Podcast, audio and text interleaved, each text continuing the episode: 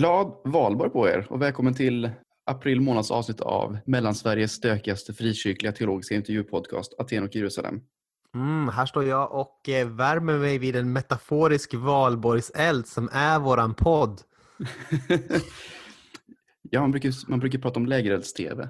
Ja, just det. Är det när man filmar en brasa? Eller? Det, ja. Nej, nej, det är som att man, eh, det syftar på den sortens gamla tv som typ alla såg samtidigt för ah. eh, när, man, när liksom saker var lite mer enhetligt och eh, programmet var mer så här till mm. för hela familjen och någonting som alla såg samtidigt i hela landet kanske till exempel. Jag tycker att vi borde starta, starta en ny enhetskultur med Aten och Jerusalem som bas. Jag har sällan hört en bättre idé. alltså, det, det kommer ju bli ett utopiskt samhälle, eh, vågar jag påstå. ja, vi har i alla fall två med oss på tåget redan. Eller vi kan ju snabbt eh, gå igenom det här med vår tävling. Ja, just det. Förra månaden så lottade vi ut två exemplar av den, nya, den nysläppta boken eh, Alla varelser ropar till dig. Mm -hmm, just det. Riter och, djurvänliga riter och böner. Eh, och eh, man kunde vinna den om man då delade förra, förra månadens avsnitt tillsammans med hashtag Aten och Jerusalem ropar till dig. Och mm. det har två personer gjort. Mm. Min mamma tror jag också delade den fast hon glömde hashtaggen och hon skrev ingenting. Så aj, aj, då blir det ingen bok. Nej, det blir inte. Det blir ingen bok. Däremot fick Simon Alander och Sara Jonsson varsin bok. Ja. Stort grattis till er. Sara Jonsson är inte släkt med mig. Eh, nej. nej. Det, är, det, är, det van, är det Norrlandsreflexgrejen i dig? Så att det... Nej, jag vet inte, bara för att förtydliga att det här är, liksom, det är en krets som är större än min familj som lyssnar ingen på nepotism. Nej, precis. skulle aldrig falla mig in. Jag förvägrade min egen mor en bok. det är starkt.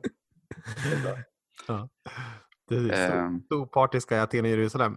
Vad tänkte jag mer på? Just det, eh, vi har ju också en liten eh, fanbase som eh, värmer sig vid våran metaforiska valborgspodd Eld och det är ju våra tre patroner, våra tre patreons, våra tre understödjare och beskyddare. Och det, är, det, det, kan man också bli. Man kan skänka en släng, slank, slunt, slant. Ta det igen. Man, man kan skänka en slant. Man kan skänka en slant Eh, till oss eh, per avsnitt som också är samma sak som per månad. Och då får man, eh, ja man får inte speciellt mycket, eh, man, eh, man får understödja oss och hjälpa oss att göra bättre och bra och okej okay avsnitt. Och så här är det, att det vill man ju göra. Eh, man kan få lite priser också, men jag tror att vi har ett pris som vi inte delat ut vi kommer se om vi kommer lyckas med det här avsnittet och det är ju att eh, Simon ska spela bas. Han ska spela bas eh, över och tillsammans med gingen till Aten och Jerusalem som ni alla känner till som börjar där. Är det en grej? Ja, det är en grej. Vi har, det, är en som har, som har kommit upp på den nivån och som vi inte har infriat det priset till. Just det. Det är din kompis. Din kompis. Just det. Det här är vad som händer när... Släpar, släpade base, så sjukt hårt. Det här är vad som händer när, när kanske landets minst sälja människor ska göra något. Eh, Hur som helst, ska vi... Men den här månaden har vi pratat med Sofia Lille Jönsson. Ja, precis det har vi gjort. Och vi har gjort det via en... En internet? En, inter... en landlina, internet och landlina. Just det, just det. Så det var ju så att vi eh, ringde upp då via Skype den här gången och så ringde vi till en landlina. Jag tycker det är så härligt. Alltså jag blir så nostalgisk varje gång man får använda en landlina. Du kommer ihåg det här tillfället eh, Simon i allas våran livshistoria mm. där man typ ringer så här. Ja, jag skulle vilja prata med, säg, vad hade du för kompis när du växte upp? Sofia Lille Jönsson. Ja, säg, säg att du vill. Äh, Sofia Lille Jönsson eh, där på, på linjen. Och så sen så pappan då till Sofia Lille Jönsson ropar Sofia! Sofia! Det är någon som vill prata med dig, han sa inte vad han heter! Du vet det ögonblicket, eller hur? Som bra act out. Tack. Ja, ja, men alltså, men alltså, innan du flyttade ihop med din fru då, hade, då skaffade du faktiskt en fast telefon till det förra... För, förra boendet, jag hade fast ja. telefon. Men det var, jag, jag tror jag ringde till, till dig typ en gång och pratade jättelänge för att det var så himla kul. Ja. Det var, good times. Det var good times var det. Mm, men nu har jag inte det längre med fast telefon. Jag har en kompis som har fast telefon som bor, lägen, som bor i en bostadsrätt här. Du håller på att tappa, tappa ja. linjen här. Måste... Men, vet du vad hon har för något? Hon har så här, hamburgertelefon, Juno-telefon. Nej, okej. Okay. Ja, ja, precis. Mm. Kerstin Åkesson, hej. Om du lyssnar. Okej, okay, tillbaks igen. Eh, ja. Vem är Sofia Lille Jönsson? Ja, Sofia Lille är är en kulturskribent och eh, hon är också lite, jag skulle säga musikkritiker också. Alltså inte så att hon är kritisk mot musik utan att hon skriver om musik. Eh, och eh, hon har också gjort sig känd för att hon, hon skriver väldigt mycket om Svenska kyrkan och, och liksom antar ju då en liksom en lite kritisk udd mot den organisationen kan man säga ofta. Eh, och skriver också om saker som relaterar till Svenska kyrkan, som till exempel den här kyrkohandboken, så som ni kommer få höra lite mer om längre fram i intervjun. Mm. Hon har gjort också något blogginlägg, eller hur var det? Hon har många blogginlägg, eller inte blogginlägg, förlåt, publiceringssideinlägg. Precis. Mm. Hon, hon driver en hemsida där hon publicerar sina texter numera. Ja. Som man också kan gå in och stödja mm. hennes skrivande. Eh, och hon skrev då en, en eh, lika lång som uppmärksammad mm. artikel eh, som heter Killarna. Som ja, handlar om informella patriarkala strukturer inom kyrkliga sfären. Mm. Den kommer vi prata mer om framöver. Den är, den är intressant den artikeln också. Så det, den kan man ta sig liksom en lördagkväll eller något sånt där, söndagkväll och plöja igenom om man har lust. Och det borde man ju ha lust till. Förresten, jag vill bara göra en snabb liten återkoppling till en grej. Ja, just det. Mm. Här om månaden så pratade vi lite kort om, om detta med religiösa friskolor och, mm. och eh, snuddar på det här med samtal om religion i offentligheten och sådär. Och nu i veckan, när blir det? Just i förra veckan, då kom ju en, eh, en forskningsrapport från Timbro som omhandlar om, eh, om religiösa friskolor. Och nu när vi spelar in så har jag fortfarande inte läst den här än, men, eh, men det verkar vara ett väldigt ambitiöst åtagande eh, jag bara såg i förbifarten en, eh, en, en kommentar som jag var, bara hajade till lite av. Och då var det då när, när den socialdemokratiska politikern Olle Burell som då lite då dissar den här, dissar den här rapporten med, med orden Jag tycker att det är viktigt med forskning men den tittar bakåt. Som politiker tittar jag framåt. Mm. Visst är det ett väldigt eh, avslappnat förhållande till omvärldsanalys? Verkligen. Man ska, all historieforskning goes out the window. all, all liksom, egentligen nästan all samhällsvetenskaplig forskning antar jag. Går, all, ja, humani, all humaniora typ också. Ja, men typ allt, jag, tycker, jag tycker allt blir bara obegripligt. När, så här, nej, men jag tittar bara framåt och liksom är inte intresserad av att se var man står någonstans eller var man mm. kommer ifrån. Det, jag, jag håller det bara... Kanske, det kanske är taskigt nu bara att plocka ut den här grejen men jag var ändå så här att jag bara hajade till nästan. Men va? Men det, det, han går bara till sin spådam och kollar kristallkulan. Det är det, det, är det han gör när han fattar beslut. Så måste det vara. Eh, eh, Olle Burell, visst är det så? Eh, ja, det är anmärkningsvärt är det verkligen. Eh, intressant. Mycket kort. Ja. Eh, just det, det, det, det är det som Jonathan Unge skulle kalla för sossefräckt. Ja, Återigen så vill jag tipsa om, om den briljanta podcasten Lilla Drevet. Ja, den är väldigt kul. höra Jonathan Unge senast prata om, om så kallad sossefräckhet. Det är väldigt nu, roligt. Nu är jag lite rädd att vi kanske håller på att slå över i sossebashing här. För, ja, ja. för att det är typ andra avsnittet i rad som jag är upprörd på en sosse. Det, är, vad heter det? det finns många partier man kan vara upprörda på, kan vi säga. Ja. Public service-anda. Jag kan säga alla är precis lika upprörande. Mm. Ja, nästan ja. Mm. Har vi något mer att avhandla så här innan vi går vidare? Nej, jag tycker att vi går till Sofia Lille Jönsson och så anropar vi henne så här med den klassiska! Okej, vi går vidare.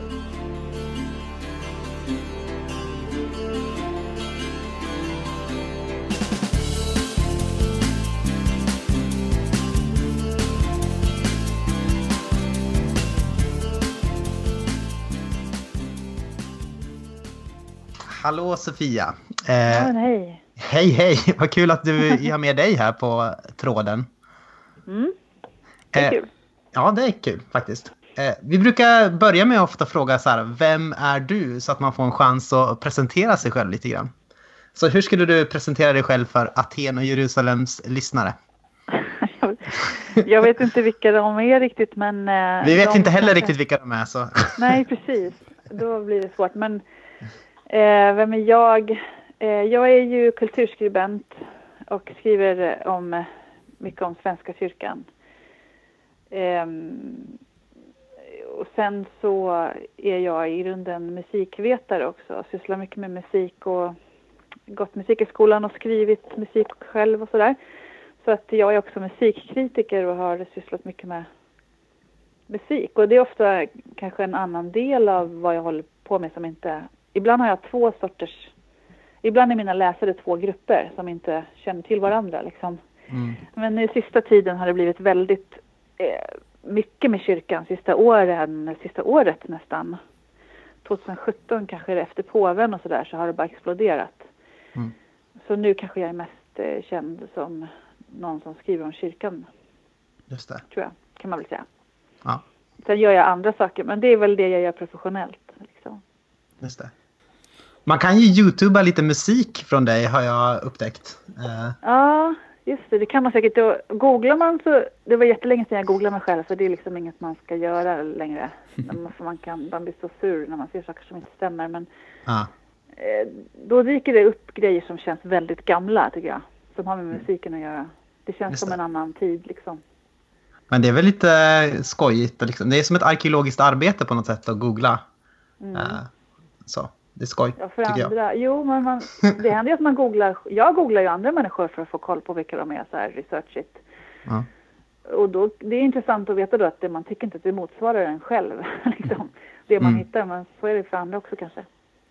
Men det stämmer ju det som står där. Jag har sysslat med musik för tio år sedan, gav jag ut en skiva och sådär. Mm. Det finns på Spotify också. Om man googlar mitt namn så kommer det mest upp så här innebandyspelare i Småland och sånt där. Så det är ja, liksom... vad bra. Sådana namn är egentligen ganska bra att ha. Jag heter ju Sofia ja. Jönsson. Jag använder ja. Lilly, jag heter Lilly som mellannamn. Jag använder det också för att jag tyckte att det var fint med de här tredelade namnen och lite, jag framhöll liksom lite så Jönsson och allmogearvet. Mm. Men eh, nu kan jag nästan sakna ibland att man inte heter Sofia Jönsson. Det är inte så vanligt, men det skulle ändå liksom lite mer... Det är jättebra med de här namnen som är så här Mattias Svensson. Sådana mm. namn är bra att ha, tycker jag. kan man mm. gömma sig på Google. Precis.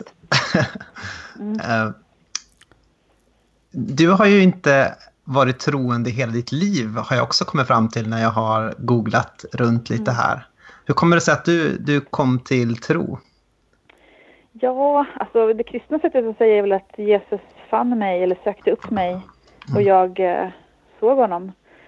Jag svarade liksom, så som Gud gör. Men um, nej, jag, var, jag, har inte varit troende hela mitt liv och frågan är ifall någon har det. Men jag har förstått att människor kommer till tro på väldigt olika sätt.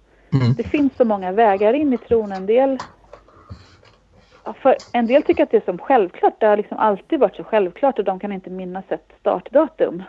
Mm. Eh, och för andra har det varit en kamp kanske. Och, alltså det finns väldigt många olika sätt har jag verkligen förstått när det gäller tron. Det är inte så här ett av eller på liksom, eller att det finns så ett sätt som nu är jag troende ungefär. Mm. Liksom, det kan vara så olika. Men för mig så, jag var ju döpt som när jag var en månad gammal eh, i liksom sockenkyrkan i Huddinge. Precis så där som de flesta svenskar är. Och det var 1976 och det var ju ännu fler då. Och sen så konfirmerade jag mig när jag var 14, eller 15 är man kanske. Den vanliga tiden, mm. 8, 9 eller vad det är. Ja, 14, 15. Ja. ja. Och eh, då var jag så här ganska brådmogen, eh, vetgirig person liksom. Som inte trodde, som tyckte så här, Gud verkar, jag tror inte på Gud, jag ska vara hederlig. Men jag var intresserad, jag var väldigt liksom intresserad så jag ville gärna läsa. Och på den tiden fanns det inga så spännande dyra konfirmationer, i alla fall inte, inte i Huddinge. Ingen Pokémon Go-konfirmation? Nej, och inga så här åka till eh, flådiga ställen på kontinenten heller liksom. Mm. Så eh, det var bara så här läsa med, med kyrkoherden i församlingshuset liksom. Men eh, och, och, så att, och då tänkte jag, jag ska läsa i alla fall för att jag ska få reda på vad det är för något. Och ställde väl så frågor kring varför är det så där och vad menar Jesus med det där? Alltså så här, jag tror att jag var en vetgirig person. men sen när det hade gått hela året så tänkte jag att jag tror ju inte på Gud fortfarande. Det hade liksom inte alls gått in hem liksom. Då tyckte jag att, jag, tänkte, jag, jag, jag, hade, jag bad att få träffa honom. Det var en bra konfirmationspräst men jag bad att få prata med honom enskilt. Och sa att jag tror inte på det här och man ska ju konfirmera sin tro. Och um, om Gud finns, eller om Gud inte finns så är det ju ingen idé. Då är det ju bara en, liksom en gest, tom gest som vi håller på med. Men om Gud finns, då vet han ju om att jag hycklar. då vill jag inte stå där framme och säga ja till någonting som, som han vet att jag ljuger om. Så det, jag tyckte jag hade så här vattentäta argument för att inte gå fram liksom. Och, eh, och då sa prästen så här klokt, tycker jag, det kan ju vara lite så här, man kan ju se det som att man lurar in någon, men för mig där och då så stämde det ganska bra. Lite så här lugn person som sa så här, ja men du behöver inte se det så, du behöver inte ta det så, på så stort allvar som att det är så här, nu ska jag ta ställning i denna sekund till det här jättestora kontraktet. Eh, utan gör det bara och se vad det gör med dig, sa han. Mm. Och då, så lätt, då lättade det lite grann på, egentligen kanske man ska se konfirmationen i och för sig som ett ställningstagande, men det lättade lite grann på att se det lite mer som med den svenskkyrkliga dopsynen som ännu ett sakrament som man på något vis bara får. Mm. Eh, så jag gjorde det bara då. Och nu i efterhand sen, sen kom jag till tro när jag var eh, strax innan 30 och hade börjat gå i kyrkan lite så här diffust, söka upp kyrkorummet och sitta i det och liksom läsa det som råkade finnas där och så. Då då var jag ju väldigt glad sen att det var gjort. Typ, för att jag, bara för att jag sett att folk som inte ens är döpta i vuxen ålder, alltså i Svenska kyrkan som kommer till, till tro och som vill, det blir så stor, det blir så lång väg för dem, det blir så en uppförsbacka.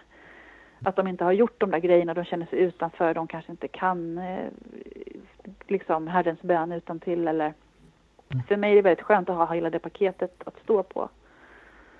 Um, men sen så var min pappa utbildad kyrkomusiker också, fast han arbetade inte i församling, men han hade organistexamen. Så vi, och jag gick Adolf Fredriks musikklasser, så jag har en väldigt liksom hem i kyrkomusiken och psalmer och andliga sånger och sådär. Det har alltid, musiken kom liksom före tron. Men när tron kom så föll det väldigt snabbt på plats tror jag, för att jag hade hela språket för det. Just det. Mm. Så det är så här kulturkristen, när folk säger kulturkristen och lite sådär hånfullt det, tycker, mm. det förstår inte jag varför det är. För det är, det är ett väldigt fint arv att vi har ett språk uttryckt i ord och bilder och toner och ritualer, mm. tycker jag. Spännande. Mm. Men sen så blev jag troende för det där, ja men Jesus lever ju, så att jag har verkligen fått allt. Mm. liksom. Um, och väldigt rädd att jag skulle försvinna också. Jag tänkte det kanske är bara en knäpp liksom. Men uh, ta i trä, det har inte försvunnit än. Höll i sig. Ja. 12 år nu tror jag. Mm. Du har ju, som vi, som vi varit inne på lite, du har ju gjort dig känd som en, en kyrkokritiker. Eh, Anton brukar beskriva dig som Svenska kyrkans egen Erik Niva. Eh, ja. vad, vad är det som kastar in dig i den rollen? Ja, det var ju mötet med kyrkan. För först, jag var ju medlem i kyrkan sedan dopet antar jag. Eh, och sen så var jag det hela tiden och var en sån här som tyckte att jag röstade nog också. Eh, eller jag vet i kyrkovalen fram till jag var 30 för jag tyckte som att ja, det här är ju en plikt och så sam, jag var en sån medborgare liksom. Men jag hade nog inte så stor koll på vad jag röstade på men jag försökte väl or orientera mig lite. Men och så kommer jag till tro och det är ju lite otacksamt för när man som människa att möta en människa efter den personen har kommit. För att ingenting kan toppa Guds kärlek liksom. Och insikten om att man är älskad eller så att, att mötet med den med realiteten i Svenska kyrkan blir ju ett plattfall hur det än blir liksom. Jämfört med frälsningsögonblicken. Eller blicket. I den nåden liksom, som strömmar emot den och så märker man hur arbetet är i verkligheten. Då är det ju liksom, människor som står för det.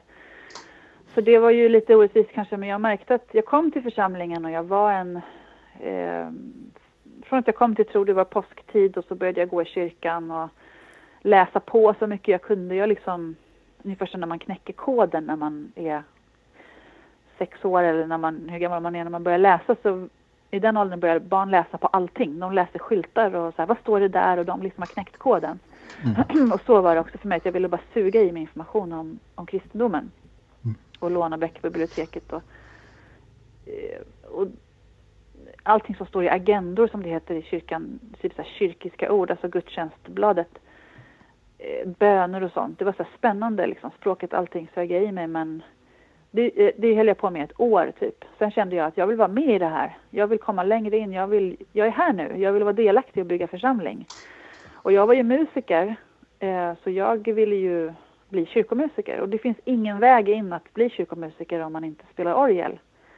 Mm. Eh, där jag sökte. Och jag har ju ganska gedig, den enda, jag är gediget musikaliskt utbildad. Det är egentligen den enda utbildning jag har om man jämför. Jag är inte utbildad till journalist. Eh, jag har inte mer språkutbildning än vad någon annan har från skolan och gymnasiet. Men jag är utbildad i musik på liksom höga nivåer. Eh, men det dög inte för Svenska kyrkan och ändå så satt man och genomled gudstjänster med organister som knappt kunde spela, liksom avista och sjöng ännu sämre. Och, eh, alltså verkligen, de har svårt ibland att få tag i folk. Mm. Och eh, nu pratar inte jag om de finaste mm. innerstadskyrkorna för det är liksom en helt annan typ av organistnivå. Men alltså det finns ju många församlingar och jag bodde i ett mm. miljonprogram. Och eh, det var liksom sån det var en sån kränkning att känna att det här dög inte. Jag kommer här med allt jag har och Gud har valt mig. Och jag får inte ge det till kyrkan. Så det var liksom den svåra, men då hade jag kunnat vända liksom. Jag försökte se ifall det gick att utbilda sig eller det gick liksom inte. Det var liksom som en sån nålsöga för en kamel. Men sen eh, då försökte jag bli församlingspedagog istället och gick kyrkans grundkurs som man ska göra om man går i Svenska kyrkan och eh, gjorde praktik i församling och sådär. Och då såg jag ännu mer inifrån hur stora brister Svenska kyrkan har som den inte själv nästan är medveten om. Och eh, började utmana det och till slut så kände jag att det finns ingen plats för mig i den här kyrkan. Och då gick jag ur och det var 2009. Och så började jag skriva om det på en blogg. Och då när jag skrev det första inlägget typ så var det jättemånga som hörde av sig. Eh, och eh, det visade sig att det var många som hade samma erfarenheter. Till och med präster kan känna så, att de inte kan komma in liksom. Sen har det bara rullat på att det, och sen har det flyttats över till tidningar och så. Mm. Kyrkokritiken. Just det. Man kan säga att det känns som att du, eller vi pratade om det lite tidigare, att du har en ganska komplex relation till eh, Svenska kyrkan på många sätt. Eller, eh, mm. För att du är samtidigt inte någon som står utanför och skriker eh, helt och hållet. Eh. Nej, precis.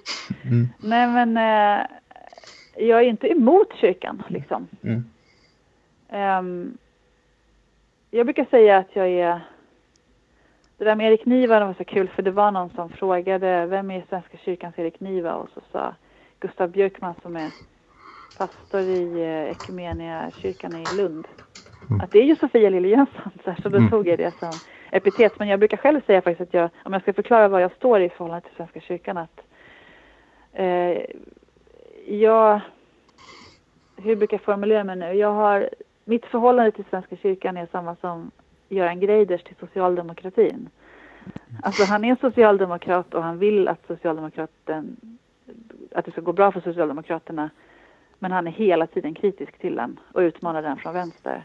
Mm. Och så ser jag det också. Jag är ju en del i kyrkan och det är inget konstigt heller tycker jag om man tittar på kyrkohistorien. Det var ju inte Luther typ som sa så här, nej nu lämnar jag den här kyrkan. Utan han ville att den skulle vara bra. Mm. Och så är det med alla kritiker egentligen. Att det är de som har ofta blivit uteslutna. Så, mm. ja. Men det kanske är lite ovanligt för att de har många har svårt att förstå vad jag är för någon sorts röst. För att de allra flesta som har hört till Svenska kyrkan har ju en roll i den och ofta är de präster eller ja, då blir det så här, jag försöker ju inte få någon sån roll. Jag försöker inte att någon ska rösta på mig eller jag vill inte mm. bli präst eller biskop och då undrar man kanske vad jag håller på med. En röst som ropar i öknen kanske? Ja, precis. Men, mer, precis. men sen har det blivit lite så här som att ja, men det, är så, det är så förmätet att, att jämföra sig med kyrkofigurerna men det är tacksamt för att folk känner till dem. Mm. Om man tänker på Johannes döparen och de esséerna som de kanske var. Mm. Att folk kom ju till dem, säger historikerna. De, det var inte bara någon ökenröst som var så här hallå och sen så var det ingen som hörde. För sådana har nog också funnits och finns fortfarande. Men jag vet att jag har haft människors öra. Det har jag haft från den där första bloggen. Mm. Det har alltid varit inflöde. Liksom till, jag vet att jag hörs. Så på sätt och vis så känner jag mig inte som någon röst i öknen eller sådär. Eller folk kommer i alla fall dit för att ja. lyssna. Mm. Men eh, hur skulle du beskriva att Svenska kyrkan som organisation har utvecklats liksom, under de eh, senaste årtiondena? Ja, det är, ju, det är ju inte ett perspektiv som jag har, men jag har ju läst på lite och mm. pratat med dem som har gått före. Och det har ju varit en del tydliga skiften. 1982-83 tror jag första kyrkomötet var som var där kyrkomötet motsvarade Sveriges riksdag. Det är lika många ledamöter. Och mm. att man bara kunde väljas genom ett parti eller grupp då. Innan dess fanns det ändå att det var hälften präster och hälften lekmän och sånt där. Det sitter ju präster i, i kyrkomötet nu men de måste liksom väljas via sin nomineringsgrupp. Mm.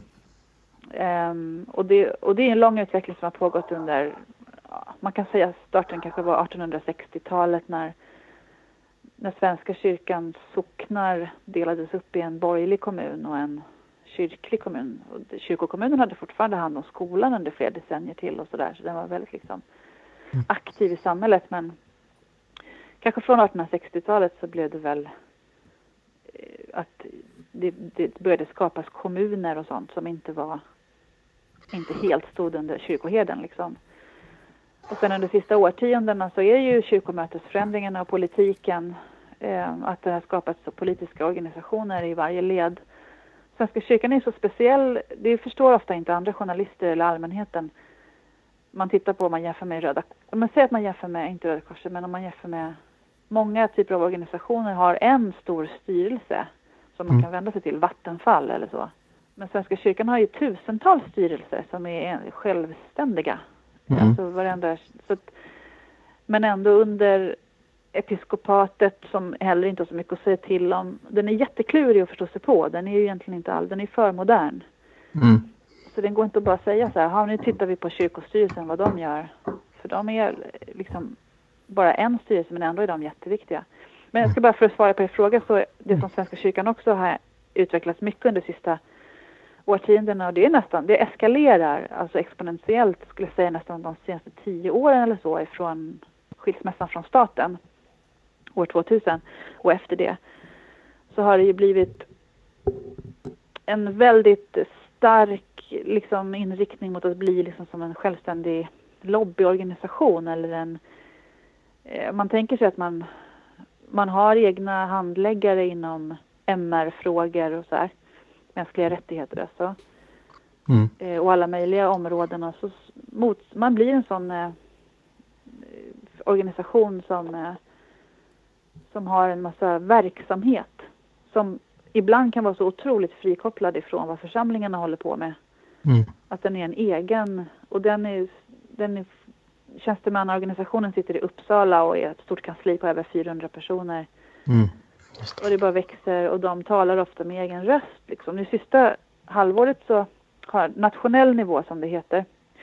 Det speciella med dem i en kyrkoorganisation är att nationell nivå har ingen pastoral funktion. Alltså det finns ingen församling ju. Nej. Eh, en församling, annars är det helt naturliga i alla typer av församlingar är att församlingen är kyrkan. Mm. Eh, och det står också i lagen om Svenska kyrkan att den, det är, Svenska kyrkan utgörs av församlingar och stift. Det är egentligen det som är Svenska kyrkan. Men i, i Sverige sista åren så har vi sett att det vänds upp och ner. Om man pratar med en vanlig människa, vem tycker du är Svenska kyrkan? Och då är det Antje Jackelén. Mm, och, och utspel som de gör, eh, tjänstemän, liksom internationella cheferna och sådär.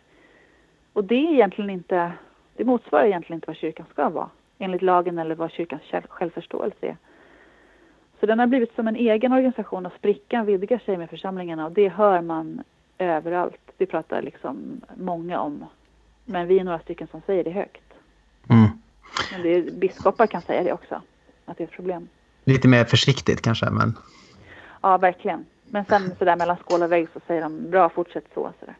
Skulle det kunna vara rimligt att säga att Svenska kyrkan har liksom antagit eller anammat en annan språkvärld? Alltså att man på något sätt har plockat upp det här public management eller företagsspråket. Uh, är, det, är det det som har hänt, tror du?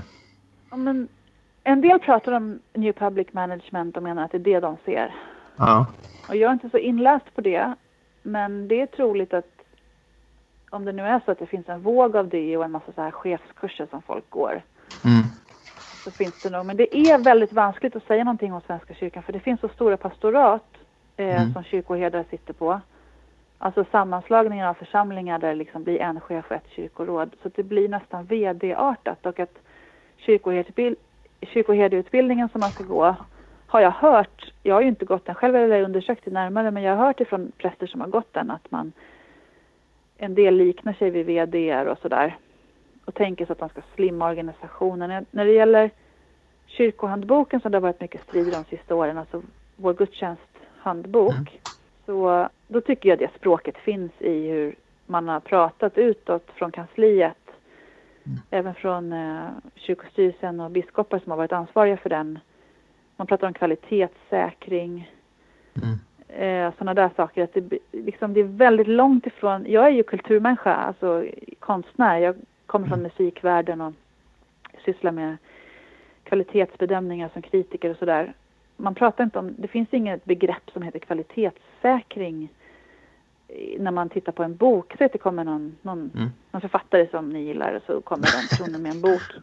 Mm. Så titta, har ni det begreppet för hur, i den här boken kvalitetssäkrad? Ni, det är ju en relation mellan den här boken som läsare. Mm. Ni går in i den och liksom så här, vad hände här? Vilken värld jag kom in i om den är skönlitterär eller vilka, tänk, mm. vilka tankar eller det här tänker jag vidare. Det, det utgör kvalitet, till exempel konstnärlig kvalitet. Eh, men inte att den ska vara säkrad. Alltså det blir någon slags, där känner jag att det finns ett språk som glappar emellan vad faktiskt kyrkor ska syssla med. För kyr, kyrkoverksamhet eller kyrka är en slags kulturverksamhet. Alltså mm.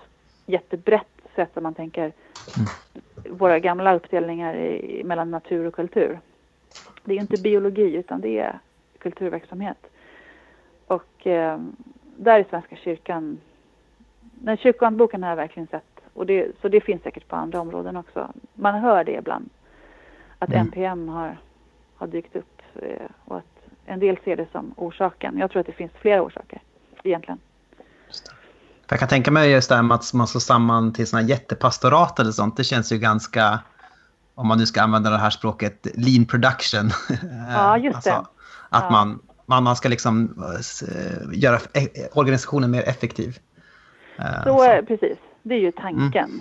Mm. Mm. Eh, så där finns det säkert en massa begrepp kring det. Liksom. Men och det är intressant för de har ju kommit fram till, om man börjar titta lite på det och märker att man inte tjänar så mycket på att slå ihop en massa pastorat för att, eller församlingar till ett stort pastorat för att det blir, eh, det blir för svårt ofta för en eh, kyrkoherde kanske som har hand om 20 kyrkor eller 15 eller så. Att sätta sig in i verksamheten egentligen. Det är väldigt lokala traditioner också kanske och behov. Och då måste det ändå finnas mellanchefer och sådär. Mm, Jag vet att till exempel Örebro pastorat som är ett sånt där jättepastorat där de har slagit ihop eh, hela Örebro med omnejd. För det, det intressanta med de här hopslagningarna är ju att storpastoratsbildningarna är ju att eh, det är inte bara eh, glesbygd där det inte finns några pengar. Det, man kan gärna prata på det men det är inte så utan det är liksom en slags ideologi om att det ska vara bättre när det blir så. Mm. Och i Örebro till exempel, då har de, nästan alla församlingar nu för tiden har ju kommunikatörer. Men de har också kommunikationsstrateg. Förutom kommunikatörer så har de kommunikationsstrategiperson. Liksom. Mm. Det blir väldigt så här, professionaliserad organisation. Om man jämför med för bara några årtionden sedan när alla socknar var ganska små och man gick till jag kommer ihåg på min tid, alltså jag är gammal nog att ha gått till församlingshemmet för att hämta ut eh, personbevis. Det var en helt annan sorts kyrka och det tror jag många svenskar fortfarande tror att vi har. Man är så här, ja, ja, men den ligger ju där och det ringer i klockorna och så tror man att det är så här safe, så det är som förr. Men in, inuti har organisationen förändrats mycket. På, mm. och, och, inte alltid på vissa ställen så är den fortfarande liten men möjligheten är, strukturerna har förändrats. Absolut. Man kan väl säga så här, jag tänker lite grann att det är som typ två så språkspår man kan tänka i Svenska kyrkan. Att delvis så finns det liksom kanske den här eh, eh, företagsspråket då, som har slagit igenom på central nivå. Och så sen så samtidigt har man ju det här eh, att man har det lite hyperfolkliga eh, anslaget ibland. Så att eh, jag läste någon artikel nu att man ska eh, nu ska eh, bordtennis-VM komma till Sverige. Och då kan man utmana eh, biskop Rappman på pingis och sånt där. Eh, mm. är, det, är det någonting... Tänk, Göteborgs nya biskop. Ja. ja, precis. Tänker du att det är... Vad tänker du om det? Är det, någon, är det liksom... Är det ett bra spår att gå? Att vara lite allmänlig och skön? Ja, men det finns ju, och det ska ju inte frikyrkan säga något om, för där har ni ju verkligen gått före också på många sätt, eller hur? Absolut. Där, läger med så här hoppborgar och så. Ja. Så det, jag skulle säga att en del, det finns en del påverkan från lågkyrkligheten in i Svenska kyrkan med präster som kommer in och som mm. har sin bakgrund ifrån den typen av församlingssammanhang där, där man lever, där man syftar gärna till att skapa många bra grejer inom församlingen så att det är där man vill vara som ungdom och sånt. Mm det är en församlingssyn liksom. Men jag menar min farbror han är 82 i år. Mm. Han säger om sin konfirmationspräst, sa han i förbigående någon gång. Det är liksom början av 50-talet. Säger han så här, ja men han var en sån där modern präst som, som spelade fotboll. Mm. Och, jag menar det är liksom urgammal pastisch liksom, eller idé om vilken tuff... Det, det är ju bara Kai Pollak kvar liksom som inte tror att den prästen finns. Det är ganska kul. Det finns ju den här prästen Kent Visti som är satirtecknare och, mm. och präst i Lund. Mm. Och han försöker ju också kämpa mot den där för att han har ju så tatueringar och svär typ och snusar mm. eller något. Och då så finns det jättemånga som tycker wow vilken tuff präst. Och sen varenda intervju säger han så här jag är verkligen inte någon unik präst liksom. Nästan alla präster är så här typ. Det blir, det blir den, van, den här gamla prosten med, med, det är ju den som är ovanlig. Mm. Så att, jag tror de eh, hade någon prata om på Lilla Drevet också när de sa det att eh, liksom... Ja, ja. det var jättekul. Det var väldigt det var, roligt. Ja, det är skojigt faktiskt. vilken, vilken, vilken roast. Ja. Men det var bra, men de såg igenom det, liksom den eh, idén. Mm. Och det är ju roligt i och för sig att folk liksom... Det är kul att det pratas om kyrkan eh, för att det är ändå, det har tassats liksom och det märker man ju. Det är så man, jag var kanske lite själv så. Jag har ju en lång erfarenhet av att inte vara kristen på det mm. viset. Mm. Så man tänker så oj, nu är en präst i närheten, då får man inte svära. Man, har, ja. man märker att folk kan vara sådär mot kristna. Mm.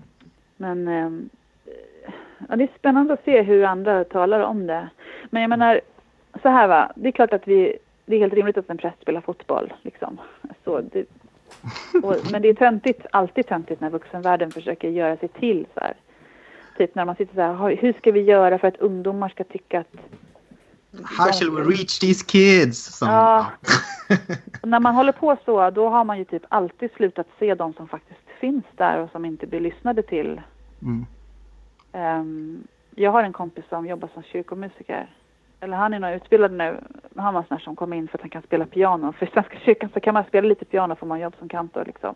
Mm. Men han, är, han har gått vidare och är liksom, har examen nu. Så han, men han, han är samtidigt en av så här, han hade en av de ballaste studiorna, den, de hetaste som liksom som det skrevs om på för 10-15 år sedan. Ehm, och gjorde klubbmusik och var liksom turnerade liksom vid sidan av. Och i hans församling var det aldrig någon som greppade hur mycket koll han hade. Eh, utan det var bara så här, hur ska vi göra för att nå ungdomarna? Och de, liksom, de kan inte fånga upp det som, som finns där i rummet. Det är så, så typiskt kyrkan. Men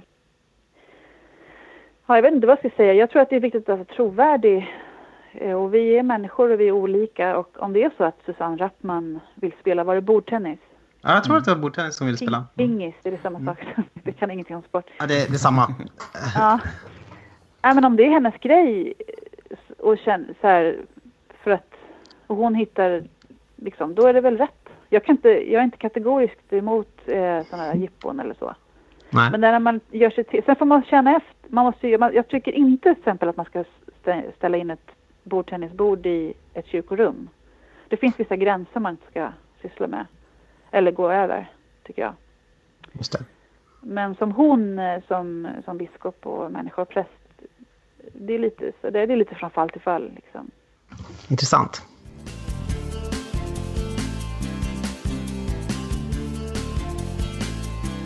Du har ju också diskuterat det här lite med, med kyrkohandboken en hel del. Eh, mm. Och för den som är liksom inte särskilt insatt, varför är det så mycket bråk om den, där, om den boken?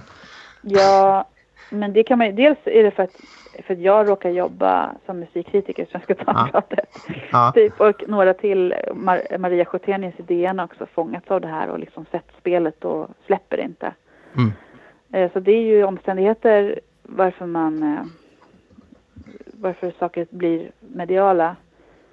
Men varför jag tycker det är viktigt är för att det är en sån, den är nästan viktigare än Bibeln på sätt och vis. Alltså, I Svenska kyrkan så är ju liturgin, det skrivna ordet och de skrivna psalmerna och gensvaren och sådär, är väldigt bärande för gudstjänsten. Ehm, jag vet att det finns kristna sammanhang där man inte har, eh, det finns kanske alltid någon slags liturgi som sitter i ryggmärgen men där man mer be, ber fritt och talar fritt och sådär. Mm. Men i, i de historiska kyrkorna så finns det ju formler. Vi bärs av liksom ett historiskt språk och det ska vara sekt, det språket. Det ska liksom hålla i sig genom generationer och det ska liksom överleva. Och därför är det, och det är, så, och det är genom gudstjänsten, även om man kommer bara på någons kompis vigsel ibland i kyrkan. Men eh, framförallt kanske framförallt förstås högmässan och så det är ju där som människor möter eh, kyrkan, det, gudstjänsten. Det är inte, därför är kyrkohandboken viktig. Den är mm. liksom kyrka i praktiken eller Just det. Ja, immateriell som blir materiell, så att säga, tar kropp. Mm. Kristendomen tar kropp, så den är viktig. Och sen så är det ju det är så fenomenalt dåligt skött och det är så, det är så, så tydligt och vi vill egentligen bara bidra konstruktivt som kritiker, jag är musikkritiker i Svenska Dagbladet på en kultursida. Det är klart att det ingår i min roll. Även om det mm. har känts så självklart som att det inte är det. För man, kyrkan har liksom skött sig själv typ sen Ingmar Hedenius. Och ännu mer de sista 20 åren kanske. Men jag tycker det är en självklar del av min uppgift som musikkritiker att se hur Svenska kyrkan vårdar sitt eh, uppdrag. Och där mm. fanns det ju jättestora brister och det, att det har pågått så länge är ju för mm. att de har vägrat ta till sig av kritiken. Just det. det hade kunnat vara klart för 2014 hade de kunnat säga okej, okay, det här blev fel från början. Nu tillsätter vi en, en musik, ett musikråd och en mm. teologisk kommitté som motsvarar som har legitimitet i hela Svenska kyrkan och inte bara en, en del av oss. Liksom. Men det gjorde de inte. Mm. Det är ju ett val som makthavarna har om de vill dra det i långbänk eller inte. Just det. Jag, jag, tycker det är lite intressant att eh, det finns en, en tidig frikyrkobildning. Eh, den kom sig av att eh, lekmän i Norrbotten eh, blev irriterade på en ny kyrkohandbok. Eh, visste du det? Ja, ja. Jag tror ja. att hela väckelsen i stort sett drog igång på grund av att det var en dålig kyrkohandbok i början av 1800-talet. Ja, precis. Och då tyck, de, de tyckte väl att den var lite för rationalistisk och liberal, eh, tror jag, alltså den nya kyrkohandboken. Mm. Eh, vad, vad, vad, tänker du? Eh, vad, vad, skulle, vad tror du att det skulle kunna förväcka för sorts reaktion den här nya kyrkohandboken? Alltså är det, skulle det kunna bli en kyrkosplittring av den eller skulle det bara bli en liksom... Väckelse. Äh, ja, en väckelse av den. vad tror du? Ja, visst. Nej, men det kan, så, ja. det, det, kan ju hända, liksom, såklart. Ja. Att, för så är liksom Guds mönstret. Ja. Att livet tränger fram, men det är ju väldigt mycket smärta under tiden. Alltså mm. det är så här, just Kent Wist igen känns som att jag pratar om honom, men han är så här, i medierna, men han, han har ju skrivit artiklar, eller en artikel där han säger att om hundra år finns inte Svenska kyrkan. Mm. Och sådär, men det är så, och då var det någon som sa ja, men man behöver inte ta död på den med flit. Mm. och det är liksom så att Eh, det är så jag tänker också. Det är mycket smärta nu som pågår i, liksom, som inte skulle behöva vara så här. Och många människor som lämnar kyrkan är förvirrade för att de inte...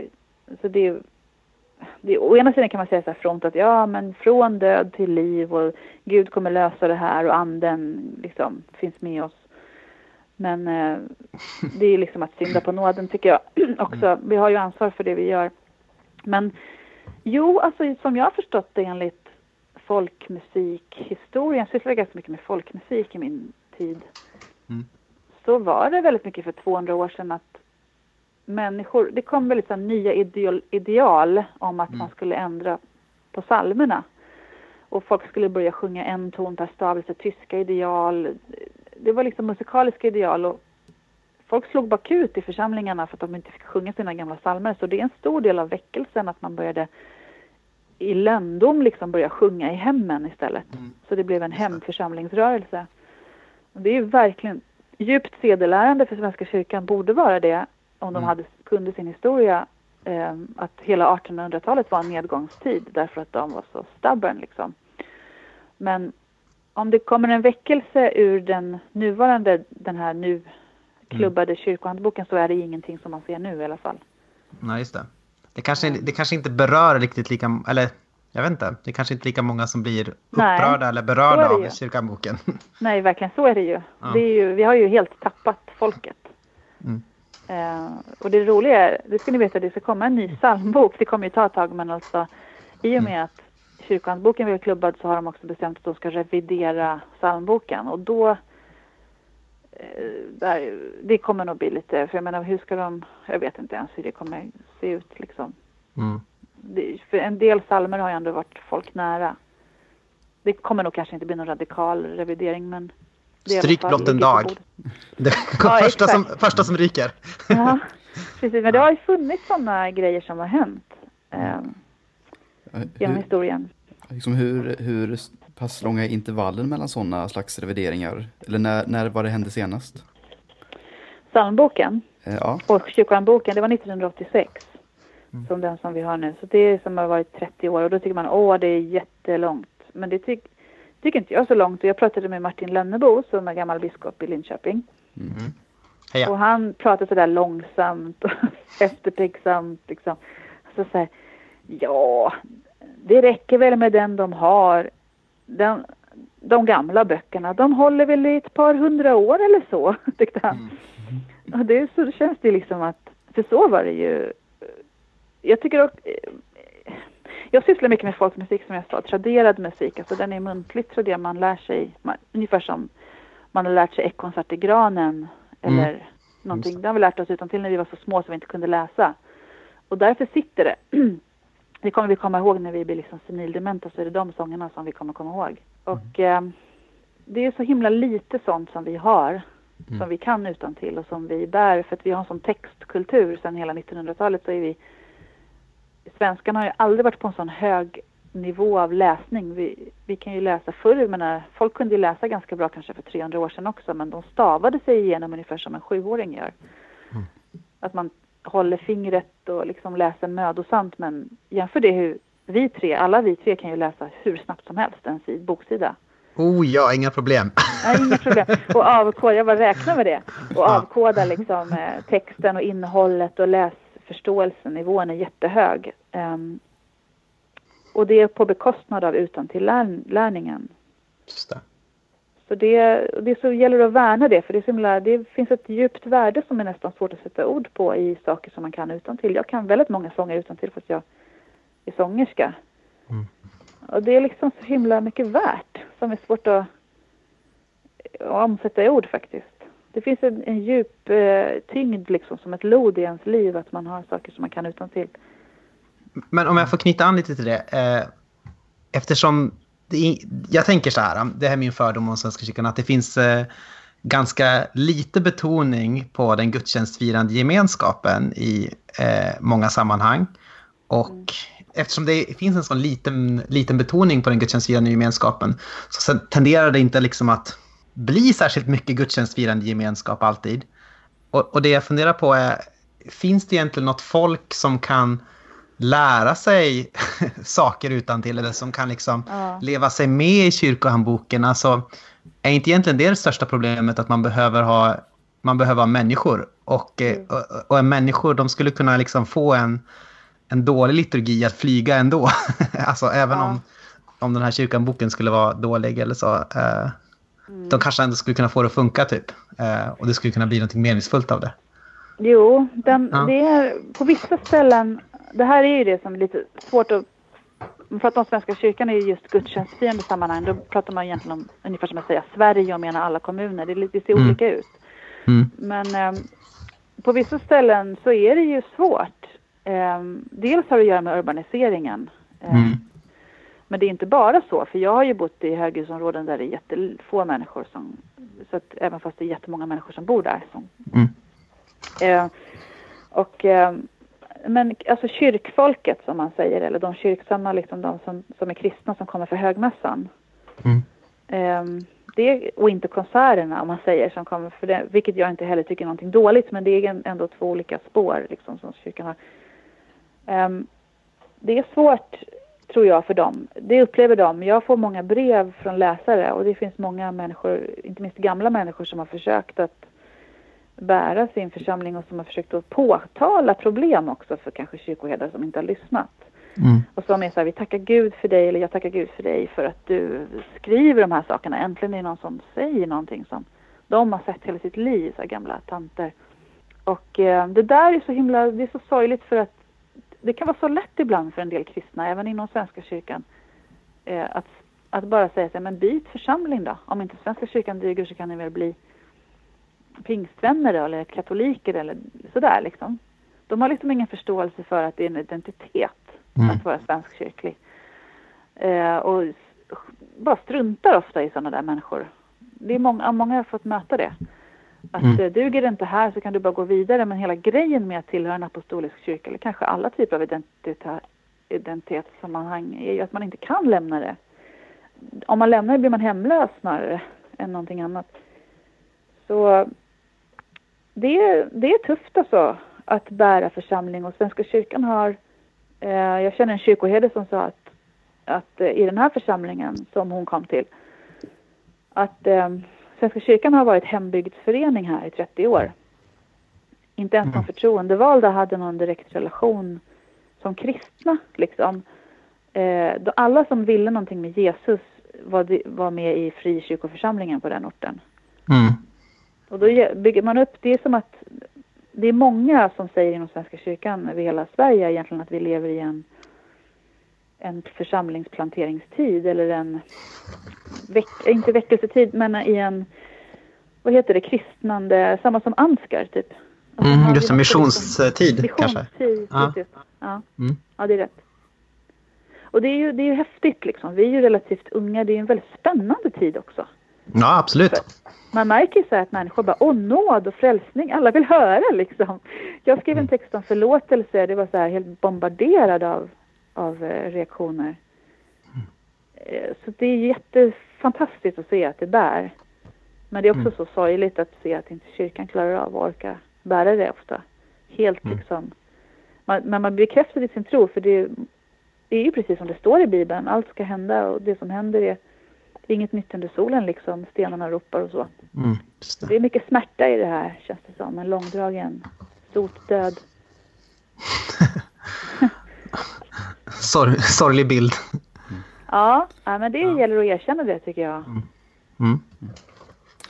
Det är som det är liksom. Apropå detta med att fira gudstjänst. Vad är för dig det vackraste med att fira gudstjänst? När, när liksom blir hinnan mellan Gud och människa tunnast enligt dig? Så här, I gudstjänst, den har ju sin ordning. Men eh, det är klart att nattvarden är men alldeles unik punkt liksom, i tiden um, och även i en gudstjänst. Mm. Och jag har ju levt den, under den tiden då nattvardsväckelsen är självklar. Um, och bodde först i Stockholms stift. Och, så jag, det är ju ganska sällan som jag är med på gudstjänster som det inte ingår nattvard. Mm natt, gudstjänster utan nattvard blir mer så här, ja det är något annat. Liksom. Så, ska säga, men samtidigt så för, gudstjänsten är liksom en dramaturgi eh, och kan innehålla olika saker. Men om du ställer frågan på det sättet så är ju liksom hela det nattvardspaketet. Jag, jag är inte präst, jag kan inte komma ihåg vad det heter. Epikles är ett ord som kommer till mig, jag vet inte om det stämmer. Epikles är väl när man eh, eh ber över den hel, helige andes närvaro över gåvorna. Eh, ja, så. när de mm. börjar där framme. Mm. Då, det är klart att det är ett helt, ett, vad sa du, ett ögonblick där hinnan blir tunn. Mm. Får man ju säga. Men det mm. kan ju egentligen uppstå när som helst och det behöver ju inte vara så att man sitter där bara så uppfylld av känsla. så är det ju inte. Det är inte en mm. känsloburen, eh, det är ett sakramentsburet eh, ögonblick. Det är liksom med sig själv oavsett vad jag känner just då eller tänker på.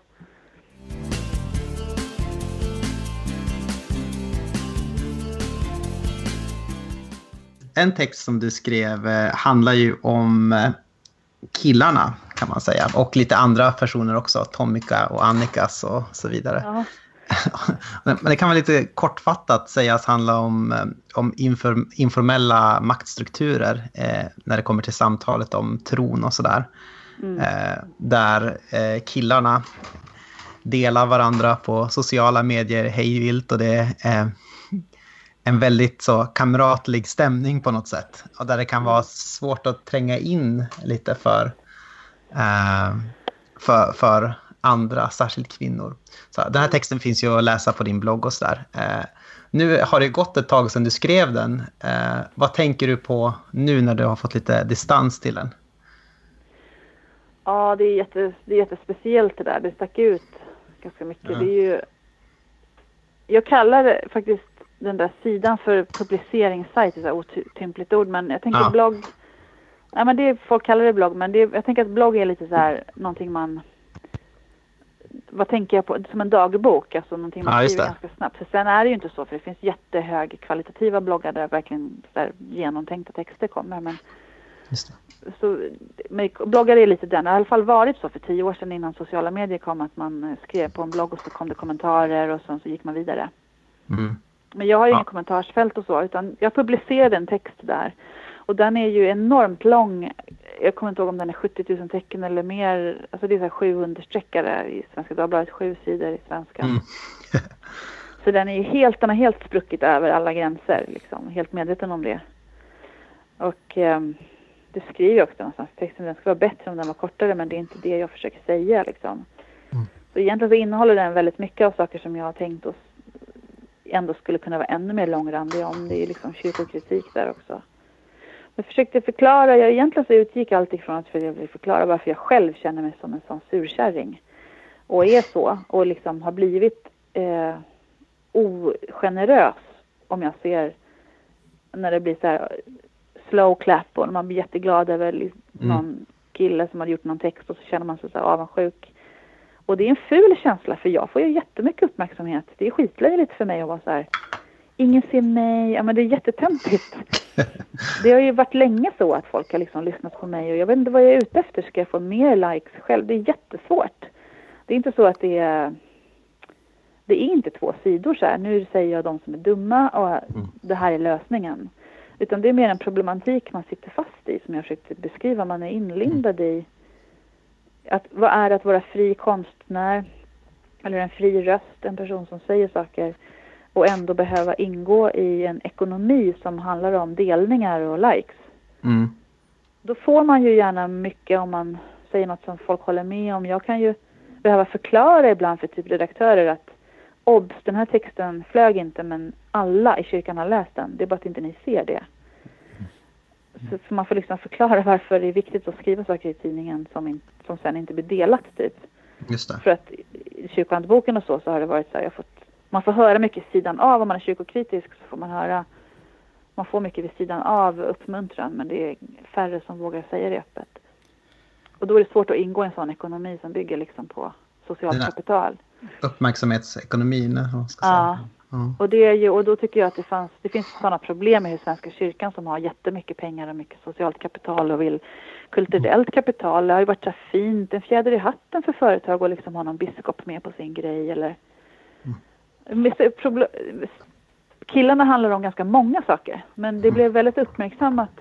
Det som var lite synd var ju att det blev så himla uppmärksammat kring de namngivna killarna som jag nämner. Det är inte så konstigt heller att det blev det. Mm. Och jag tycker inte att det var så... Jag ångrar ingenting liksom. Jag känner att... Eh, jag fattar vad jag gjorde på något vis. Det, nästan som att den är... Jag ska inte skylla från mig, det var jag som skrev. Men lite som att den är ett, eget väsen som liksom tog plats. Och jag ska inte heller någonsin kalla det journalistik. Eller att jag försökte få in det i någon tidning eller något. Det försökte jag inte. Utan det var ett, ett upp, en uppgörelse med en, med en situation som jag sitter fast i, som jag tyckte var jobbig på olika sätt. Men sen mm. så kan man ju säga att en sak som verkligen händer och fortfarande händer är att jag får brev om den. Mm. Jag hade, sånt där kan man inte förutse att någonting ska bli så här viralt. Det hänt någon gång förut men man kan inte förutse det. Mm. Jag vet ju alltid när jag gör någonting att det är några hundra personer som läser. Man kan vara lite influencer så. Men eh, inte att det blir så flera tusen. Som, och det snackas om det och att det får liksom helt andra läsare. Men det är jättemånga som har hört av sig. Både män och kvinnor men framförallt kanske kvinnor. Och det kan vara kvinnor som står helt utanför kyrkan som ändå har läst, tuggat sig igenom den där texten som är liksom en timma lång att läsa. Mm. Som jag sagt, det här är precis, det beskriver mitt liv och de har ingenting med kyrkan att göra. Och de har upplevt, och då är det ju patriarkala strukturer som man upplever. Att man känner att man är jätteutbildad, man har på fötterna men man får ändå förlora jobb som går till tio år yngre killar. Alltså det finns sådana saker i texten. Mm. Men det finns också en väldigt, väldigt många från frikyrkotjejer känner igen sig. Det är en grupp som jag inte, de finns i periferin liksom i min värld. Eh, men jag brukar inte jag, inte, jag bevakar inte frikyrkligheten ju alls. Så. Men många där kände igen sig. Det hoppas jag verkligen att eh, killar så eh, med stort K, litet K eller whatever, men inom frikyrkan tar till sig av att mm. faktiskt det är skitmånga kvinnor som säger så här, Gud du beskriver vår verklighet. Och jag såg någon reklam eh, om någon konferens som ska hållas. Jag såg att typ Stefan Svärd och några till som jag såg var namnen. Mm -hmm. Jag vet inte vilken, jag vet inte vilken det är faktiskt. Någon uh. evangelikal grej. Men det var... Eh, men så här, jag vet inte faktiskt. Men jag såg en, en banner liksom på någon sida nyligen. Mm. Alla affischnamnen var män. Mm. Att man... Jag tycker inte... Och likadant... Det finns också bokförlag som utan att liksom... Det verkar som att de har reflekterat över att de ger ut så här, nio män i en serie och bara, nej men det det är, dock, det är så här, vi tänker kvalitativt. Alltså, man måste mm. ju fatta att man diskriminerar kompetens. Liksom. Och det tänker jag det, väl, ja. ja det, och det verkar som att det har tagit lite skruv faktiskt ändå. Det är ju bra om en sån sak. För några år sedan eh, var det ju en, en eh, återkommande diskussion det här med typ konferenser och sådär att eh, många, att det var just det, det ställdes ofta mellan det här eh, men vi måste ju välja den som Gud, eh, som Gud har lett ah. oss till att, eh, att välja. Oh, liksom. och, så Oj. Precis. Ja. och då, blev det, och då, då råkade det bli mest killar, killar faktiskt. Gud sa det här. Ja, det är ju ja, precis. Då blir det lite svårare att argumentera mot. ja, det är ja. tufft. Men det där är inte så, det är grannlaga för att det är mm. såklart, det är också, blir också jättefel om man säger vi ska ha en kvinnlig biskop, alltså det är någon slags identitetspolitik, det är jättelöjligt också. Det är inte mm. jag. Feminism och så måste ju handla om att eh, se människan. Mm. Så eh, det gäller att navigera rätt i det här men alltså det finns det, det, verkar som att delar av kyrkligheten var ganska nyvaken inför att ens tänka på det, vilket förvånade mig. Mm. Ibland så verkar det vara så, ja. Precis. Men jag tycker verkligen att det finns någon, en poäng med det här. Eh, alltså att det finns en tendens att, eh, som det står i Matteus evangeliet, att de som har mycket eh, får mer. Mm. Och, de, och, den som inte har från honom tas också det han har. Alltså om man tänker ja. att nu för tiden är ju liksom hårdvalutan på något sätt att kunna få folks uppmärksamhet eh, i sociala medier och sånt. Och det, det, spelar ingen roll egentligen eh, hur intressant man är eller Nej. om man har rätt saker att säga. Om man inte liksom tillhör en viss krets, eh, både när det kommer till, liksom, vi har vänner som är musiker, Eh, och när det kommer till liksom, teologi och allting sånt där, om man inte hör till en viss krets, då är det väldigt svårt att få liksom, någon blick till sig, oavsett om man gör någonting bra eller så. Ja, ja du har helt så. rätt i det. Och det är liksom, man kan se det så tydligt på Twitter typ, att man eh, ser vissa tweets som är jättesmarta eller så här, och så mm. tre timmar senare så kommer någon lite känd person och säger det. Mm. Ibland kan man ana nästan att de har snott det. Någon mm. idé eller tanke eller det.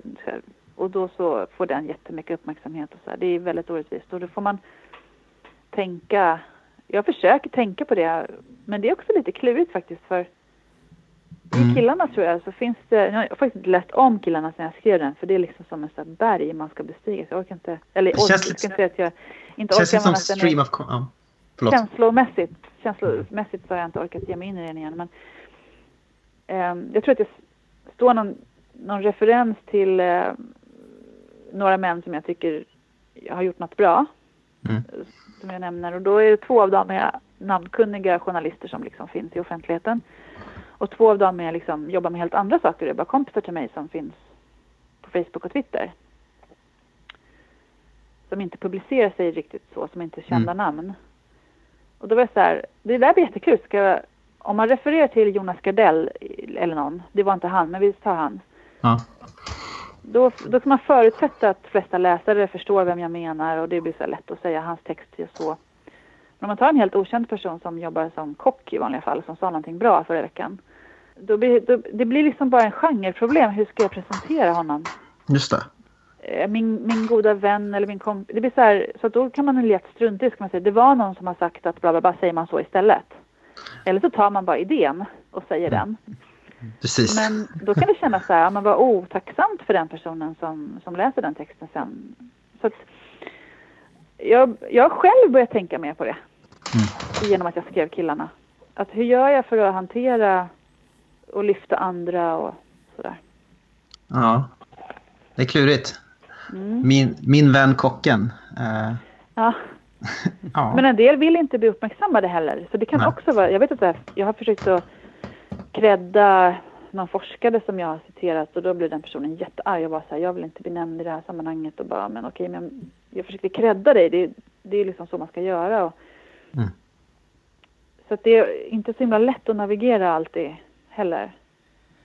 Men det är bra att gå ifrån mot sin egen slentriantänkande och bli med, medvetandegöra vad det är man gör. Mm. Det finns nog ett mänskligt drag att eh, gå med strömmen sådär. Precis, det finns på något sätt så här, att eh, man gjorde en undersökning såg jag eh, på 50-talet eh, bland amerikaner om liksom, upplever du att eh, svarta är diskriminerade eller något sånt där? Och det var ju, eller, upplever du att de behandlas sämre än en vit människa? Och då tyckte nästan ingen av de här vita att nej men det gör de inte, de behandlas ju ja. eh, lika bra på något sätt. Alltså, mm. på något sätt så måste man träna sig att gå emot sin, sin ja. magkänsla ibland eller sin sån här eh, reflexsvar, tänker jag. Ja, och så kan man mäta saker ibland och det ja. betyder inte... Det är fel, om man tänker sig att man ska mäta saker och sen börja följa utfallet och göra 50-50, då kanske man hamnar snett. Men man kan mäta saker för att se hur man faktiskt gör. Mm. Och det fanns någon eh, undersökning som kom precis runt killarna där. Mm. Att män får... Sammantaget gruppen män på Twitter, som angett att de är män på kontona, får dubbelt så många retweets som gruppen kvinnor. Mm. Det finns också något så här, vilka konton är det de flesta följer på Twitter? Då finns det ju en så lång, lång lista på typ så här, Carl Bildt och Jonas Gardell och några till lägger alla till typ. Mm. Eh, och sen så är det, det var så här, ett, två av 20 på den listan är kvinnor, ungefär så där. Den mm. typen av, det är ju mätbart. Att man, och, det, och det säger, borde ge en signal tillbaka till en själv, vad är det jag inte ser liksom. Mm. Vad det jag går miste om? För det handlar ju till syvende och sist om att gå miste om något kompetent och klokt och roligt kanske i sitt liv. Det skulle till exempel de här, jag tänker de här 50-talsamerikanerna skulle ju kunna få en del sån mätbar data liksom tillbaka ja, om de hade ja, uppmärksammat det liksom. Ja men verkligen. Mm. Och det gäller att se sina privilegier och det finns ju inget svårare för man ser ju bara sin, eller det är jättelätt att se sig själv som det offer man är för man är ju också ett offer hela tiden. Människan är liksom mm. Eh, ja. Både och. Man är makthavare och offer i massa olika roller oupphörligt. Men det finns ju den här, det finns någon rolig historia som jag inte kommer ihåg formuleringen av, men när man frågar Gud så här, varför skickade du inte någon, varför skickade du inte en dotter istället? Mm. Någon feministisk fråga till Gud. Mm. Och Gud svarade, jag, jag, gjorde det, men ni såg henne inte, ni lyssnade inte. Då fick jag skicka min son. Liksom. Mm. Att tanken att Gud faktiskt skickar goda röster och människor och möjligheter och gåvor i saker som vi inte ser för att det råkar vara en svart människa eller något. Mm. Det är liksom idiotiskt. Det är ju en, det är en problem i, i våra huvuden, liksom. någon slags syndaproblem. Och det är väl bra för att vi kan medvetandegöra oss om det. Det tror jag de flesta håller med om. Så långt har vi kommit. Att de tycker det är rimligt. De flesta skulle inte säga så nej men kvinnor är ju sämre. Eller liksom, det, det är inte en majoritetsåsikt ja. längre. Nej, jag tror inte det. Det har varit det. Mm. Man, man vill inte tycka så, men då får man också liksom, ja, mm.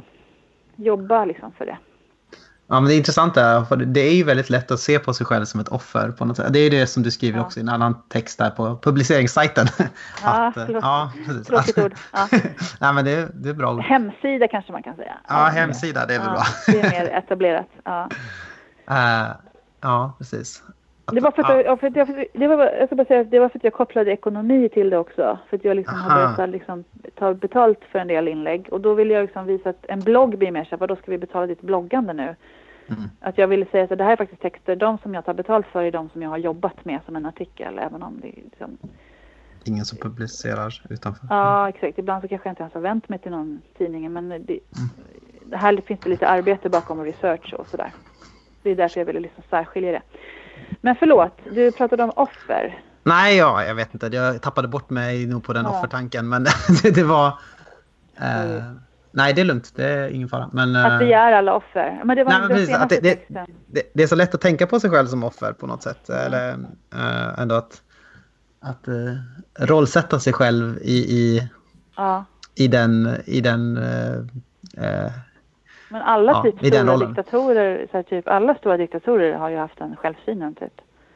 Men om, också om man tänker typ Ungern eller Serbien och sådär, alltså när de skriver sin historia Eh, och Sverige också säkert, men det kan jag inte se riktigt för att jag är svensk. Men att man, man skriver sin historia utifrån att vi alltid varit offret för omständigheter och för invaderande ja. nationer och sådär.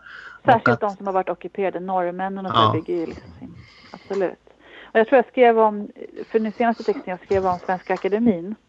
Mm. Och eh, hur de, det är väldigt intressant berättelse att följa liksom. Men mm. där finns det människor som, jag tror de upplever sig som offer på massa olika sätt. Och det är de ju också. Men de har också de har också ansvar och möjligheter. Det finns, mm. och det där finns ju i det kristna så mycket hjälp att få egentligen om man följer den. Alltså, vi, vi är inte offer, eller vi är inte maktlösa. Det är häftigt med Jesus. Han står mm. inför Pilatus och pratar just om makt. Mm. Han använder det ordet. Och Jesus är helt, alltså han är så maktlös han kan vara. Vad har han liksom? Mm. Han har inget vapen, han har typ inga, han har en, en skjorta på kroppen liksom. Det är vad han har. Och sitt mm. språk. Och så står han inför den som har all makt, som äger huset och som har arméer runt omkring som man kan bara vifta och säga så här, gör det här så kommer det liksom soldater. Mm. Och säger du har ingen makt om inte Gud hade gett den till dig, eller hur det nu är formulerat. Mm han vänder på det Vem är det som är, har makt? Och han liksom ruckar under Pilatus så att han blir, kommer i obalans, tror jag. Mm. Så att, eh, Jesus visar ju att vi är inte maktlösa. Även den mest maktlösa har makt genom sin maktlöshet. Precis. Och då börjar väl bra att Simon går över till nästa fråga, tänker jag. Bam! Smidigt där. Ja, precis. Vi brukar avsluta de här samtalen med två stycken frågor. Och ja. den första är denna. Vem är Jesus? Ja. Jesus är, är han, han är mannen man aldrig blir klar med. Väldigt eh, jäckande gestalt tycker jag. Eh, jag är lite rädd för honom. Det finns ju en liksom styrka i hans eh, hela hans väsen som man vet att man blir utmanad av. Mm. Um, så jag får väl vara glad för, så länge jag inte känner att ja, men honom är jag klar med eller honom är jag listad ut. För då, har jag liksom, då försvinner han nog igen. Mm. Är otroligt mäktig människa. Yes. Och eh, då vår sista fråga. Vem tycker du att vi borde intervjua framöver i den här podden? ja, jag vet inte riktigt vilka ni intervjuat förut. Eh, Dra till med något. ja, men exakt. Um, jag tycker det vore kul ifall ni... Jag vet, det blir så Men jag tänkte på Alice Bah Kuhnke och så. Ja. Uh, att... Um, för ni är ju... Det är kul. Hon är också liksom... Vissa intervjuer ibland kommer inte så långt liksom alltid när man pratar om kyrkan och så. Men jag tror att ni skulle kunna komma, ni har ju kompetensen att komma lite längre kring olika frågor och det ska vara spännande att höra. Mm. Det skulle vi absolut kunna göra tycker jag. Mm. Hon har fått så mycket kritik för att hon är med och styr och så här. Men vadå, hon är ju, tycker hon har fått lite orättfärdig kritik också. Jag skulle vilja höra hur hon ser på det. Mm. Och sen står ju kyrkan och religionerna under hennes, eh, ja, hennes departement. Precis, och så är det ju Vador med som kan bli sugen säkert på att prata. Ja, kanske. Om man har tid. Ja. Och sen så är det trossamfundsutredningen också. Ja, precis. Ja, du ser, det finns ett hur, mycket, mm. hur, mycket, hur mycket, hur odemokratisk får man vara egentligen att få pengar och så vidare. Precis, precis. Mm. Ja, men vad bra. Det var jättekul att få prata med dig. Eh, ja, det var jättekul att få prata ja. om de här sakerna. Det är så någon slags nördig grej som aldrig tar slut. Mitt intresse för detta. alltså det är det... det som är Erik Niva-biten tror jag. Ja, precis. ja. Men det är väl det som också är likheten mellan, alltså Erik Niva tänker jag, han är intresserad av så mycket runt omkring också fotbollen. Alltså han är mm. inte bara intresserad av nu sparkar de på bollen. Och Nej. du är inte bara intresserad av nu, läs, nu är det epikles typ, utan det är liksom mm. allt Nej, det här runt omkring som är... Ja, ja, precis. Det blir som det, sam, det mänskliga samvaron kring någonting. Mm. Det är intressant. Precis. Människan är intressant. Det, det, är därför, det är roligt. Det där, ja. Och det är därför du är Svenska kyrkans Erik Niva. ja, men det är fint. Det, är ju, det får man ta som en ära. Ja. Nej, men det är väl roligt. Jättekul. Kanon. Ja. Vi eh, hörs, det gör vi. Hej då. Hej då.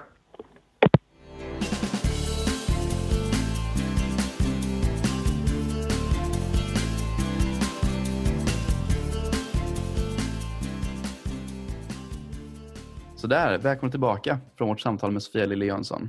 Nu är det dags för vårt sedvanliga eftersnack. Det är sedvanligt. Mm. Sederna bjuder att jag börjar fråga dig. Ja, men vad tar du med dig från det här samtalet Simon?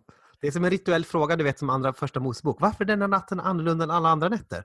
Och då svarar, frågar barnet och så svarar föräldern. För det här var den natten då Herren förde oss ut ur Egypten. Eller något sånt där. Så nu kan jag börja med den sedvanliga frågan.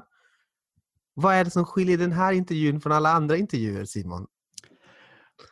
Ja, alltså på ett sätt, det som kanske stack ut mest, eller, eller det var bara en, eh, bara en rad som jag, eller jag tog inte upp det i själva samtalet, men jag skrev ner i alla fall. Det var någon som sa att eh, kyrkohandboken är viktigare än Bibeln. Ja, just det. Ja. Jag att det mer hörs hemma liksom i, i sin, sitt sammanhang där.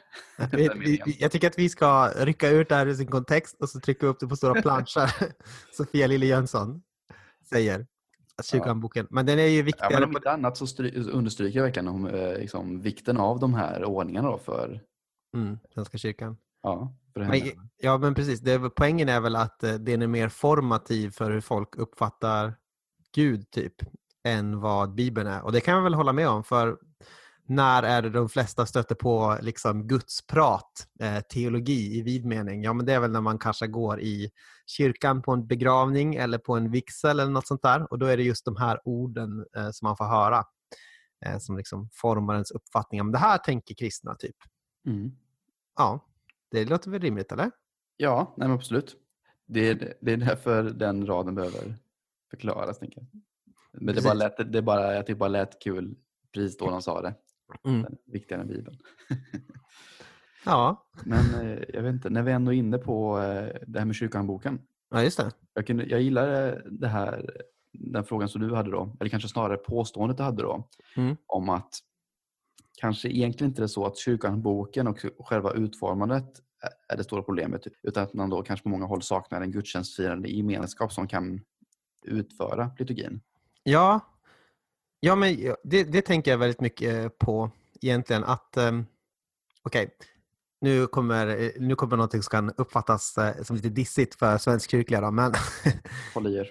Jag tänker att det som är egentligen det stora problemet med Svenska kyrkan, det är inte, det här är en klassisk så kritik, och de är så himla liberala, de är inte kristna längre och så där, bla bla bla. bla. Eh, vi struntar i det. Eh, mm. det är inte min huvudsakliga problem, utan det som jag tycker är huvudsakliga problem är att kyrka, Svenska kyrkan som organisation motarbetar eh, den gudstjänstfirande gemenskapen. Och, det tycker jag är det stora problemet. Alltså för att man har just den här 1600-tals eh, 1600-talsidén om vad en församling är, alltså att det är ett geografiskt område. Mm. Eh, och att alla som är i det här geografiska området eh, är församlingen. Det innebär ju i en sekulär tid, när man ska ha kyrkoval och sånt där, att alltså om man tänker på 1600-talet, då var kanske ganska många av de här som bodde i det geografiska området var den gudstjänstfirande gemenskapen och sådär. Men när man för över det här, när man transponerar det till våran tid, så har man så är det kanske en väldigt liten minoritet som är den gudstjänstfirande gemenskapen som firar liturgin, som utför den liksom och sådär. Som liksom har skolas, skolats in i det här äh, sättet att tala om Gud, det här sättet att be till Gud och sådär. Men eftersom man har det här församlingsbegreppet så har egentligen inte den här gudstjänstfirande gemenskapen en särskild plats. Mm. Och det är ett problem, tänker jag. Och jag tänker också att det är själva folkkyrkoeklesiologin som man har i Svenska kyrkan som är väldigt dominerande, eh, som liksom ledningarna har väldigt mycket, utgår ju från att ja, men vi ska vara en öppen folkkyrka och det ska vara liksom geografiska territorier och sådär. Och Det innebär att man aldrig liksom kan lyfta upp de här gudstjänstfirande gemenskapen, de som utför liturgin. Eh, utan de hamnar hela tiden liksom i sidan av. De blir hela tiden undanskuffade eller som potentiellt, potentiellt farliga för eh, folkkyrkotanken. Så, det är det stora problemet, tänker jag. Och då, kan, och då känner man sig kanske inte hemma, man känner att man inte blir lyssnad på som gudstjänstfirande person. Eh, och eh, så slutar det med att man kanske känner sig alienerad från den kyrka som man tillhör. Ja, verkligen. För det är en sak jag tänkt på in, eh, också långt innan det här samtalet. Det är att jag, man kan också verkligen ömma för människor som är medlemmar i, medlemmar i Svenska kyrkan och som ja, bär den här känslan av att känna sig kanske ensamma eller förbisedda eller inte hörda. Mm. Men det är just att man är byggd på ett annat sätt. Ja. Så funkar, inte, liksom, funkar liksom inte riktigt det. Jag, jag, tycker inte att det gör det. Jag tycker att, det, här, det här är alltid ett problem jag får. Så fort jag säger, man säger någonting om Svenska kyrkan, mm. då kommer någon och säger så här, men jag känner en jättetrevlig präst, eller den här personen har betytt jättemycket för min tro. Och det är inte det, det, är inte det Sofia pratar om, tänker jag i intervjun. Det är inte det jag pratar om heller. Det finns supermycket bra folk i Svenska kyrkan och väldigt många bra präster. Men eh, man måste liksom kunna, man måste liksom kunna kritisera en organisation och en eklesiologi ändå. Man kan till och med liksom lämna åt sidan så här, eh, frågor om liberal och konservativ och ändå liksom, om, om du nu är, är liksom giltiga kategorier och mer prata om det här så kan man se det fortfarande som ett problem. Liksom. Mm tänker jag. Och det här hakar också i en annan fråga som jag tänkte på och det är det här som vi är inne på med Svenska kyrkan och ett eventuellt anammande, eller inte eventuellt, men deras anammande av ett företagsspråk. Mm. Att man, har, man talar mer i termer av Nej, men det är så mycket som lånas från företagsvärlden. Liksom man, man ses, som Sofia säger, då, som eh, vissa ledare blir som små vd typ och mm. man har sina eh, ja, man talar mer i termer av organisation, effektivitet, resultat, typ. Jag vet inte. Precis, och det krockar ju med den, och det tror jag Sofia skulle verkligen hålla med om. Det krockar ju med den här episkopala liksom, beskrivningen av vad Svenska kyrkan som man också har, liksom, att det är biskopar som på något sätt är, har ett stift eh, som man är ansvarig för. Mm. Och då blir de här, i, i den här nya Svenska kyrkans mer företagsmässiga och centraliserade syn på sig själv eh, så tenderar det ju att bli att de blir mellanchefer istället, biskoparna. ja. ja, det visar verkligen att, att det är inte bara viktigt vad vi talar om utan också mm. hur vi talar om det. Mm. Som språk eh, skapar verklighet som alla POMO-människor där ute skulle säga. POMO då, har just fått veta, det är en förkortning för postmodern. Ja, precis. you kids med era förkortningar. det är jag som är the kid här som ja. använder det begreppet. Uh, vanligtvis är det jag som bara Vanligtvis är det jag som inte har någon koll på begrepp och så. Äh, men jag tycker att det är kul. Jag tycker, det var, jag tycker att eh, jag tycker hon utför ett väldigt bra arbete, Sofia, och att hon lyfter fram frågor som ofta är lite fördolda att hon lyfter fram saker i, i, liksom, i ljuset eller liksom för allmän hon lyfter fram saker till en allmän diskussion som kanske inte, som ofta är osynliga för gemene man, tänker jag. Ja, verkligen. Mm. Apropå detta, att lyfta fram saker i Mm. ljuset. Ska vi prata om hennes text, text Killarna? Ja, men det tycker jag väl att vi Ja. ska göra. Som sagt så, så skrev hon en text på sin, eh, på sin hemsida. Mm. Det kommer finnas länk till också. eh, Mm. Som, han, eh, som med rubriken Killarna. Mm. Som, eller ja, vad, vad den handlar om har vi, redan- har vi redan pratat om i avsnittet här. Mm. Men det är en rejäl bit text. Koka en kaffekanna. Sätter ner med den. Precis. Du kan göra, så här, göra en sån här pour-over och eh, börja läsa och sen så kan du sitta med kaffekannan och, eh, och, läsa. Det är ungefär så mycket tid det behövs. Men vad, ja, eller vad kan vi säga om den? Som inte redan har sagts. Ja, men, jag vet inte. Jag, det är, kan, en intressant fråga är att ställa är ju, är vi killarna? Är vi, tillhör vi killarna? Ja, det, det, snudd, det rörde vi faktiskt aldrig. det- Nej, precis. Det är för att jag inte vågar ställa sådana frågor. jag vågar inte bli avslöjad. Jag tänk- jag, jag antar i någon mening, eh, eh, kanske, eh, även om jag kanske inte själv anser mig vara så särskilt upplyft och uppburen. Mm. Jag tänker på ett sätt att, att vi inte är det. Och det säger jag inte som och det säger jag inte för att jag inte tror att det inte finns några strukturer som hjälper mig i tillvaron eller något sånt där. Men jag menar just i den här meningen, killarna, tycker jag att inte vi tillhörde. Eh, för att eh, jag tycker inte att vi, eh, jag tycker att vi är ganska så här frånkopplade det här teologiska ryggdunkandet som sker på diverse sociala medier. Liksom när man när man sitter och säger så bara, åh vilken fantastisk text av John Sjögren eller wow, Joel Halldorf nails it again. Vi brukar lyfta upp nu, jo, jo, vi brukar säga, nu skrev ju Joel Halldorf någonting intressant, brukar vi säga ibland. Men alltså, men det, är- det är ju mer liksom som, ah, det är ju ganska mycket envägskommunikation tänker jag. Ja. Alltså, vi, det är inte som, vi, har ingen, vi har ingen krets här som liksom lyfter fram wow, Aten och Jerusalem nails it again, wow, ryggdunk, ryggdunk. Utan det är mer att vi, jag tycker att vi är mer som Sofia Lille Jönsson, en röst som ropar i öknen. och ropar, Men- vi har ett intressant samtal här. och, Men det, kanske, men det kanske också gör också ett, ett misstag med texten. För att som hon själv då Ja. eh, lite, lite förklarar sig här då är att, Mm. att hon ser ju att problemet här, eller hon utgår ju från sig själv i texten Ja. och hennes egna erfarenheter. Men eh, hon vill ju, eller hon var ju, eller som hon var inne på, hon ser ju här att problemet är större än henne själv. Mm. Att hon själv är ju ganska buren, hon har uppmärksamhet, hon, hon, hon får ju publiceras i, på eh, ställen som inte många har tillgång till. Mm. Eh, Jag tänker att jag gör ett genremisstag här. Alltså. Ja, men kanske. Vi kanske vi, det är kanske ett misstag av oss att liksom försöka eh, prata om huruvida du och jag är kille eller inte. Jo, men, Men jag, jag, det, jag vet inte, det, är mest att, men det blir nästan som att människorna i den här texten används som, eh, som i vissa fall används mer som arketyper. Typ. ja, just det. Att de spelar vissa roller typ, i den här texten. Ja. Men, Men- jag tycker, jag, jag, okej, men jag, jag ska säga en sak. Jag kan verkligen hålla med om en sak som jag tycker är intressant med, med liksom teologiskt intresserade miljöer. Mm. Det är att det ofta kan bli liksom en sån här uh, dude-stämning. Så.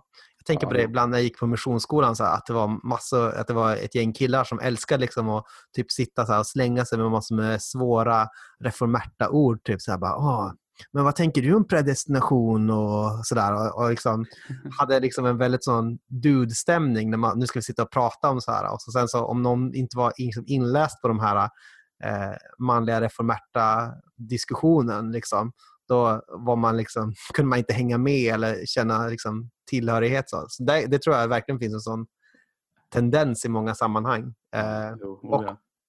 och jag kan också liksom säga, jag har själv varit med i någon sån här lite mera eh, någon anabaptistklick någon gång så här som liksom sitter och som liksom sitter och man pratar om massor med ord och så är man lite skämtig och lite sådär. Eh, Det kan jag nog sä- säga att jag har varit med om. Liksom mer, men det är mer IRL-grejer, tänker jag. som, ja, eller AFK, som ni kids säger idag. Mm. Men du känner igen den tendensen, eller hur? också? Jo, jo, ja, precis. Den kan Det- bli ganska, det kan det- bli ganska det trött lite- på. Ja, jo, verkligen. Och det har ju blivit bättre, men kanske inte, kanske inte fortfarande helt bra. Nej, Men ja. precis. Ja, det är väl det som är så eh, besvärligt med sådana här saker. Att det är, att det går så djupt och att det är så komplext och att det är något som är svårt att, att eh, liksom, lösa i en handvändning. Mm. Alla är skyldiga, ingen är skyldig. Ja, typ så. Det är, som, det är Dostojevskij Dostojevskij-grej här. Eh, vi ska prata om Dostojevskij någon gång tror jag framöver. Men det är ju den här klassiska formuleringen, alla är skyldiga, som återkommer i flera böcker. mm. Ska vi nöja oss så? Ja, det tycker jag. Tack. Tack återigen för att ni är med oss. Mm. Eh, ni vet vad ni ska göra vid det här laget. Ni kan eh, gilla oss på Facebook, följa oss på Twitter, eh, skriv ett brev, eh, ranka oss på, på Apple Podcasts och eh, om du har möjlighet och lust och allt det där så kan du också välja att stötta oss på Patreon. Mm. Att bli en månadsdonator donator till den här podden. Precis. Det skulle vara så bra.